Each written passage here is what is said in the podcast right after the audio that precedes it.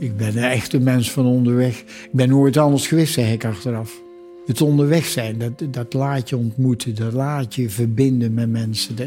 Bij iedereen is dat.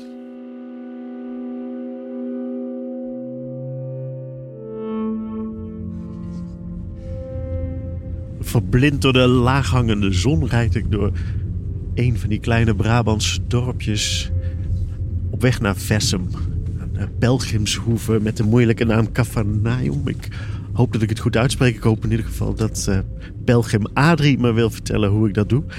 En mijn beeld bij pelgrimsgroeten en de mensen die zoiets afleggen... is dat dat vanuit een streng religieus besef gaat. Maar volgens mij heeft Adrie nog andere redenen. Hij wilde graag dichter bij zichzelf, bij zijn eigen gevoel komen. Ik hoop dat hij me daar meer over kan vertellen. En ik ben benieuwd of hij me zo ver krijgt dat ik zelf ook de wandelschoenen aan ga trekken.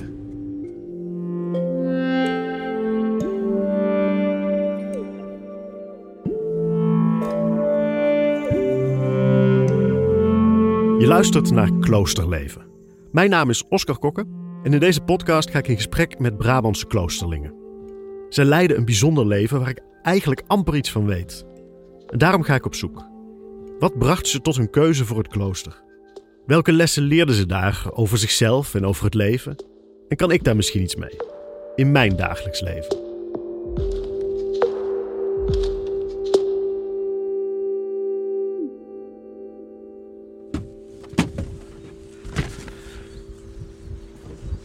Zo.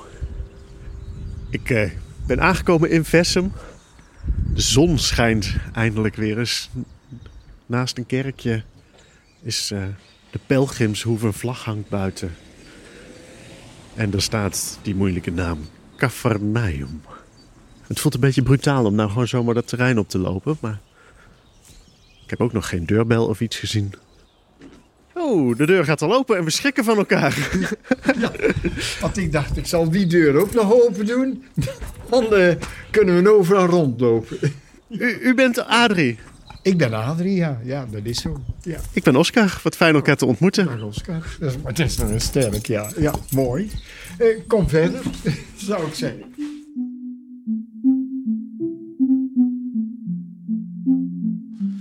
Daar is de keuken. Ah, kijk eens aan. Ja. Oh, ik beland in een uh, heel oud keukentje. Oh, Ja. ik, ik zie tegeltjes, heel veel hout, een klein gordijntje boven een fornuis. Ja. En een eh Brabants gordijntje, al is het niet rood. Eh, ja, bewust hebben ze dat zo eh, aangekleed hier. Hè? Ja. Dat, het Dat toch er- een beetje de stijl van een oude keuken houdt. Want is dit een oude plek? Ja, ja de- deze hoeve bestaat nu 105 jaar. Ah. Ja. En, en is dit altijd een pelgrimshoeve geweest? Nee, nee, dat is niet altijd geweest. Eh, het feit van dat het een eh eh, Kempische gevelboerderij is, hè, zoals het is, zegt al dat, het hier, eh, dat hier een gezin, een boer gewoond heeft. Ah. Ja. En nu, wat is het nu voor plek? Nu, nu, nu is het de pelgrimshoeve, hè, zoals je weet. Pelgrimshoeve Cafarnaum. Maar goed, als ik Dat is hoe ik het uitspreek. Nog een keer. Cafarnaum... Dat is precies hoe ik het niet uitsprak. Maar goed, Cafarnaum. Ja, ja, ja. Daar kom ik mee weg. Ja, Kunt u me buiten laten zien waar we, waar we zijn? ja, ja. Dat gaan we doen. Kom maar.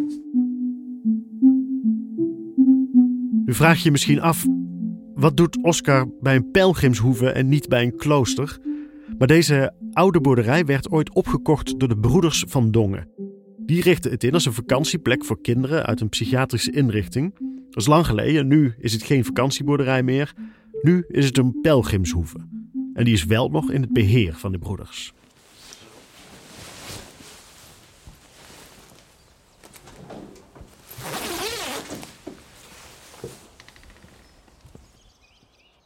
Kunt u vertellen, als ik een pelgrimstocht zou doen, dan beland ik tijdens die tocht op plekken zoals deze, bij een, een, een hoeve.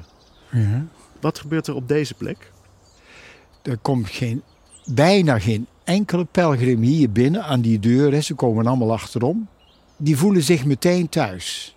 En meteen thuis voelen, dat betekent dat je jezelf kunt geven. Of dat betekent ook dat ik die ander ook meteen bij mij thuis laat voelen. Ja, toevallig was wij, nou, ik deed de deur open en uh, je komt binnen. Ja, dat is meteen raak. Tijdens het pelgrimeren, dat is altijd meteen contact. Je hoort ook iedere pelgrim achteraf zeggen: hoe is het mogelijk wat mensen toch allemaal vertellen? Tegen wie kun je nou beter vertellen wat je aan het beleven bent? Omdat je toch in een andere wereld zit. Want mijn beeld is dat een pelgrimstocht is naar een bedevaartsoord en is ook vanuit een overtuigende religieuze beleving. Klopt dat beeld? Ja, op zich klopt dat beeld, hè, dat dat ook bestaat. Maar je bent onderweg, je laat een heleboel los, of je probeert een heleboel los te laten. En als je dat dag in dag uit doet, dan gaat dat ook gebeuren. Mhm. Dan hoeft het nog niet 100% religieus te zijn, maar dan is het wel minstens geestelijk. Hoe was dat voor u? Want u heeft dus een paar tochten gelopen. Meerdere. Ja. Wat, wat gebeurde er met u tijdens die tocht? Achteraf zeg ik, ik heb uh, iedere keer op kruispunten in mijn leven een transformatie onderweg ondergaan. En dat deed ik al met mijn 22e, denk ik, ging ik ook weer een tocht lopen. Maar ik had niet in de gaten dat je dat een pelgrimstocht zou kunnen noemen. Maar ik had wel zelf in de gaten het onderweg zijn. Een langere tocht lopen. En dan hoeft het nog niet maanden te zijn. Hè? Ik werd toch weer ruimer van binnen. Doordat ik die tocht aan het maken was. En dat had ik nodig om iedere keer mezelf, toch zeg ik dat zo, geestelijk te plaatsen. Maar ik had het niet in de gaten, maar ik deed het wel zo. Ja.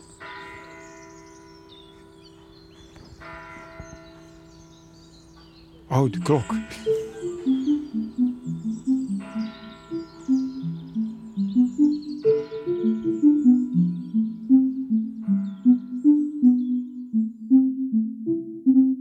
Als u dan aan het wandelen bent, wat, hoe merkt u dan dat er iets verandert van binnen, in het hoofd, in het hart? Jongen, ja, dan moet, dan moet ik echt nadenken. Ik, ik denk, hoe merk je dat? dat? Dat kun je allemaal pas achteraf zeggen.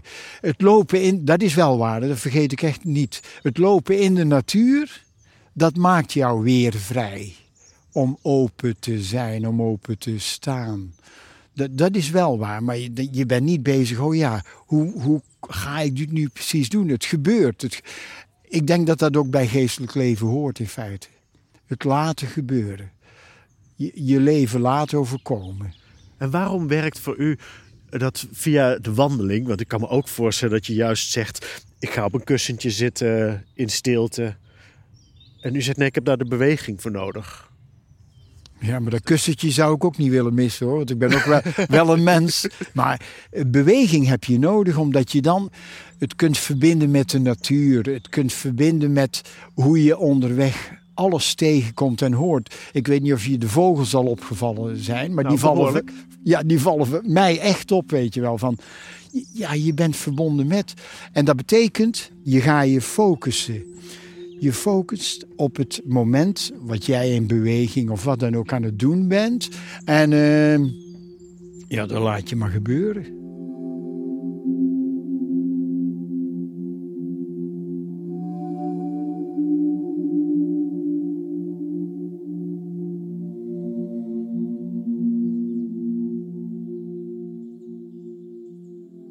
Noemt u zichzelf pelgrim? Ja, ik ben een echte mens van onderweg. Ik ben nooit anders geweest, zeg ik achteraf. Ja, dat is waar. Ja. Het onderweg zijn, dat, dat laat je ontmoeten, dat laat je verbinden met mensen. bij iedereen is dat. Niet voor niets hebben wij ook verhalendagen. Het zijn allemaal mensen die die ervaringen hebben, maar het zijn allemaal unieke verhalen. En je hoort ze graag van elkaar. Je, je hoort bijna iedere, iedere pelgrim zeggen van uh, dat pelgrimsvirus raak je niet meer kwijt. Ik maak nu iedere week een lange afstandswandeling, een, een dag van uh, tussen de 20 en 30 kilometer. Juist om jezelf vrij te blijven houden. Maar vertel eens, hoe, hoe gaat zo'n tocht? U heeft aan het begin nog geen eindbestemming voor ogen. U begint gewoon te wandelen. Wat neemt u mee? Mijn rugzak. En meer niet. En u begint te stappen. Ja. Onder, dat is al veel gebeurd als je het zo doet. Hè. Ik heb de, laatste tocht die ik, lange tocht die ik dan gelopen heb, dat is van eh, West-Brabant, van Oudenbos naar uh, Rome, Assisi. En uh, ik heb geen route meegenomen. Maar ik denk, ja, dat ga ik doen. En een ander zei, ja, maar je neemt zelfs nog geen route mee. Wat ik gedaan had, in mijn rugzak of in mijn blouszakje, had ik grote plaats opgeschreven. En ik vraag onderweg wel hoe het moet, hoe het gaat. Waar ik, maar wel de richting houden.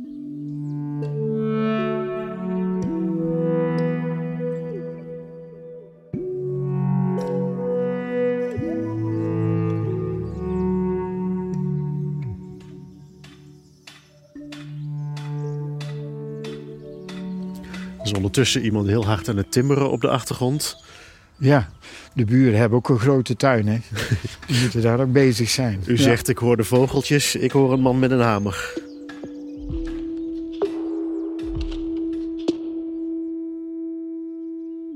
Ik zie nou een, een grote paal met allemaal richtingaanwijzers. Ik zie eh Jacobushoeven via Monastica, Peerkepad en Santiago de Compostela 2400 kilometer. Ja, ja. Wat is dit voor plek? Nou, dat is een, eh, een, een pelgrimsbord, hè? een eh, pelgrimsrichtingsbord. Je kunt verschillende routes afleggen. En hoe, hoe bepaal ik nou mijn pelgrimspad? Mijn bestemming? Ik zou beginnen met te zeggen van, eh, laat je het niet bepalen. Begin een richting en je zult zien dat je er volop vindt. Ja, het gebeurt onderweg, echt waar. Dat, dat- dat is zo. En wordt het pas een pelgrimstocht als ik daadwerkelijk naar, laten we zeggen, Santiago de Compostela ga? Of kan ik ook gewoon hier eh, een, een pad van staatsbosbeheer kiezen? Ik zou meteen ja willen zeggen. Zoals jij hier bent, dan eh, ja, leg je ook een route af. En ik heb, zo beleef ik dat, hè. Ik heb al gehoord dat je deze week verschillende routes gehad hebt. Het is toch interessant, die plekken die je bezocht hebt. En daar kon je zelf van binnen ook iets bij beleven, heb ik horen zeggen.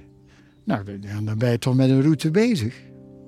Dus is het zo dat als ik gewoon wandel en ik me openstel voor wat er gebeurt, buiten me en binnenin, dan kan ik het een pelgrimstocht noemen? Zodra je het kunt verbinden met de binnen- en buitenkant, hè, dat dat een koppeling krijgt, beleefd wordt, of hoe je het ook maakt, dan ben je er. Ja. Dan ben ik er. Ja. Terwijl het niet gaat over er zijn, maar over onderweg zijn. Nee, nee, als kan, blijven worden.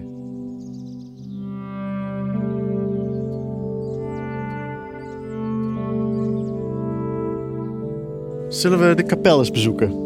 Ja.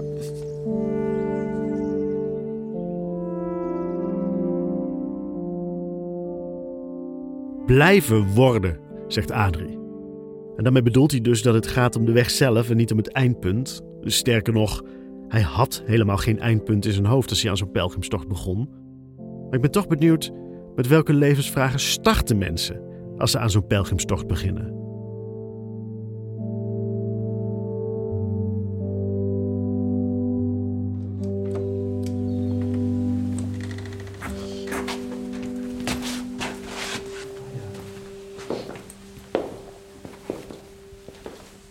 En dan kom ik binnen in een kleine ruimte waar meteen Ja, stilte hangt. Ja klopt. Ja, dit, dit was van de broeders ook de gebedsruimte. Hè? Hier trokken ze zich met momenten terug, iedere dag, verschillende keren. Zullen we eens terug naar een reis van uzelf, een pelgrimstocht die indruk maakte? Wat, wat komt er meteen in u op? dan komt bij mij meteen op, en dan heb ik het over eh, toen ik denk ik een jaar of 28, 29 was. Toen ben ik, eh, ik noemde dat overigens nog geen pelgrimstocht, hè. ik deed dat zo. Maar toen ben ik eh, van Nederland naar Nice gaan lopen. Althans, achteraf is het Nice geworden, want ik, Ik had niet een route eh, bij me of ook geen route in mijn hoofd. Maar dat kwam omdat ik toen zei: ik moet iets gaan doen wat mezelf toch een beetje doet transformeren. En toen kwam ik een miljonair tegen, Oh. Harry Kata. En die had in Nice volop hotels, restaurants. En dat hij zei van, waar ben ik mee bezig? Het geld stroomt, en dat was in die tijd, het stroomt maar binnen, wat moet ik ermee? Hij heeft al zijn hotels en restaurants verkocht. Heeft een eh, top van een eh, berg gekocht, vlakbij Montpellier. En is daar een verslaafde project begonnen. Nou, daar kwam ik onderweg tegen toen ik aan het lopen was. Nou, daar, daar is voor mij een van die transformatiepunten geweest. Ja, hoe ben ik nou dicht bij mensen bezig of hoe leef ik dichtbij? En eh, ja, dat is daardoor bijvoorbeeld gebeurd.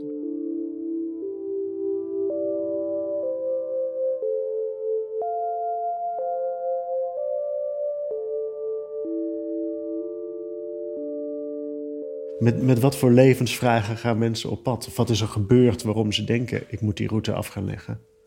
Als ik nu eens jongeren noem, en dan zou ik studenten kunnen noemen. Hoe boeiend of het is dat iemand in zijn studie op de universiteit eh, vastgelopen is. Waar ik ook niet precies van weet waarom. Maar je hoort ze dat zeggen. En zo, ja, ik, kan er nu toch een jaar tussenuit. En eh, dat hebben we dan gedaan. Of dat gaan we dan doen. En dan hoor je, als ze terugkomen, want de meesten die komen ook hier terug dan hoor je ze vertellen van hoe het gezuiverd is om een andere studierichting te kiezen of dezelfde. Maar er gebeurt iets met hunzelf van binnen en niet alleen van buiten. En als ik nou hier bij, bij u kom hè, en ik, ik, ik zeg: ik, ik zit vast. Ik sta op een kruispunt in mijn leven. Ik weet even niet waar ik heen moet. En ik vertel u: mijn relatie is net gesneuveld. Ja. Is dat dan een goede aanleiding? Denkt u dan, nou, dan kan je wat hebben aan zo'n tocht? Ja, ik weet wel zeker dat je dan, als, zoals u het nou zegt, hè, dan heb je iets aan die tocht. Want ik hoor je bewust zeggen, ja, ik, ik moet nu iets gaan doen. Die- relatie is stuk en eh, je ziet gewoon dat er met relaties, maar met die mens zelf, die, dat individu, op dat moment veel gebeurt. Maar door het lopen, door het gaan van die weg, komt het vrij en los. Precies, want ik zit te denken. Ik, ik ben natuurlijk heel vaak bezig met hoe ik me voel en waar ik heen wil in het leven. Maar dat doe ik dan vaak liggend in bed in het donker en dan, wordt, het, dan wordt het piekeren. Ja. Is het zo dat die beweging helpt om daaruit te komen? Ja, die helpt zeker. Maar ja, zoals u reageert, dan denk ik, ja, je hoort het en, en het is zo. Het, het gebeurt echt zo. Als ik zo'n tocht heb gelopen en ik voel me daarna helemaal vrij, er zijn dingen op zijn plek gevallen. Lijkt misschien ook heel ingewikkeld om dan weer terug te keren in die normale maatschappij. Is dat zo? Dat is waar. Weet je waar ik nu het eerst aan denk, waar we het er juist over hadden? Die Harry Kata, hè, die, die eh, miljonair, weet je wel, die daar dan op die bergtop dat uh, verslaafde project begonnen was. Daar vertelde ik dus ook van, ja, dan wil ik wel zien, als ik terugkom, wat ik echt aan ga pakken. Die man zei toen, weet je wat je moet doen? Als je thuis komt, gewoon laten gaan. Niet gaan uh, denken, nu moet ik dit gaan doen. Het overkomt je, het gaat je aan je gebeuren. En dat is ook waar. De kunst is om het niet vast te zetten van en nu moet ik eruit komen. Maar de kunst is om het in de ontwikkeling van waar je bent op dat moment, ja, zo te gaan zien dat het de oplossing vanzelf brengt. En zo is het bij mij in mijn leven gelopen. Mijn leven is helemaal zo gelopen. Altijd. Bent u gelukkig? Ja, uh, ik ben een hartstikke tevreden mens.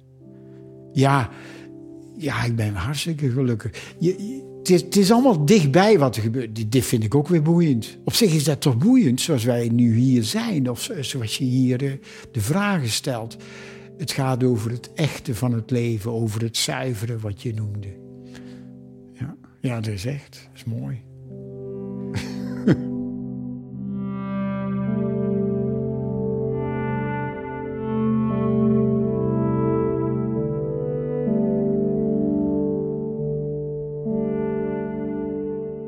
De mensen die van plan zijn een tocht te maken, die komen dan hier bij u. En voordat ze daadwerkelijk op pad gaan, wat, wat doet u dan met hen? Ja, luisteren, eh, bij, bij elkaar zijn, eh, koffie drinken, thee drinken. En dan gebeurt het dus eigenlijk al, of dan is het al gebeurd. En dat is wel natuurlijk, het is een cruciaal moment. Zodra je zou zeggen van, nu, nu ga ik lopen. Ja, dat is het belangrijkste geweest. Dat is het moment geweest.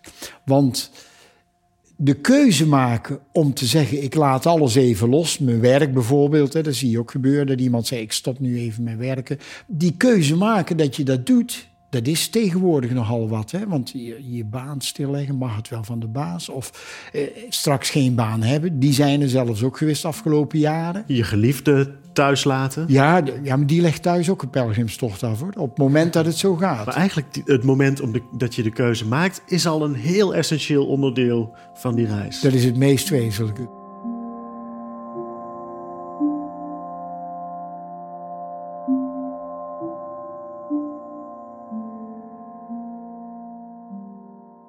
stel dat u me nu op weg stuurt, wat zou u dan nu tegen mij zeggen?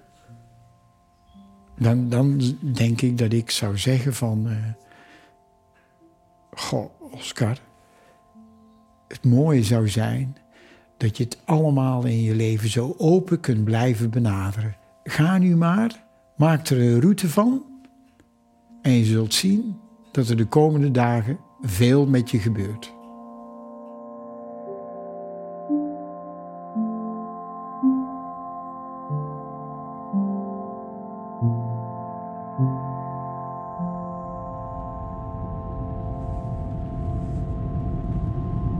Ik dacht altijd dat om stil te staan bij wat er van binnen gebeurt en wat er in je omgaat, dat je ook letterlijk stil moest gaan staan. Maar wat Adrie me vandaag geleerd heeft, is dat het misschien minstens zo'n goed idee is om gewoon te gaan bewegen, op pad te gaan. En dan ook niet meteen een heel vastomlijnd plan te maken, maar juist gewoon te zien waar de weg je heen leidt.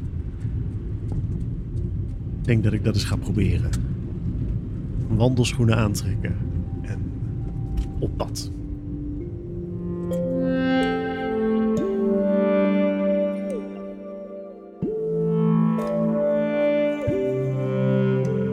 Deze podcast werd gemaakt in het kader van het jaar van het Brabants kloosterleven. Mogelijk gemaakt door de provincie Noord-Brabant. Inhoud, regie en productie was in handen van Janne den Adel, Corine Stijnen en Jesse Rij van communicatiebureau Johnny Wonder. De muziek, het geluid en de montage werd gedaan door Rinky Bartels presentatie door mij, Oscar Kokker. Wil je meer wijsheden uit het klooster horen? Luister dan alle afleveringen via je favoriete podcast-app of via Brabantskloosterleven.nl.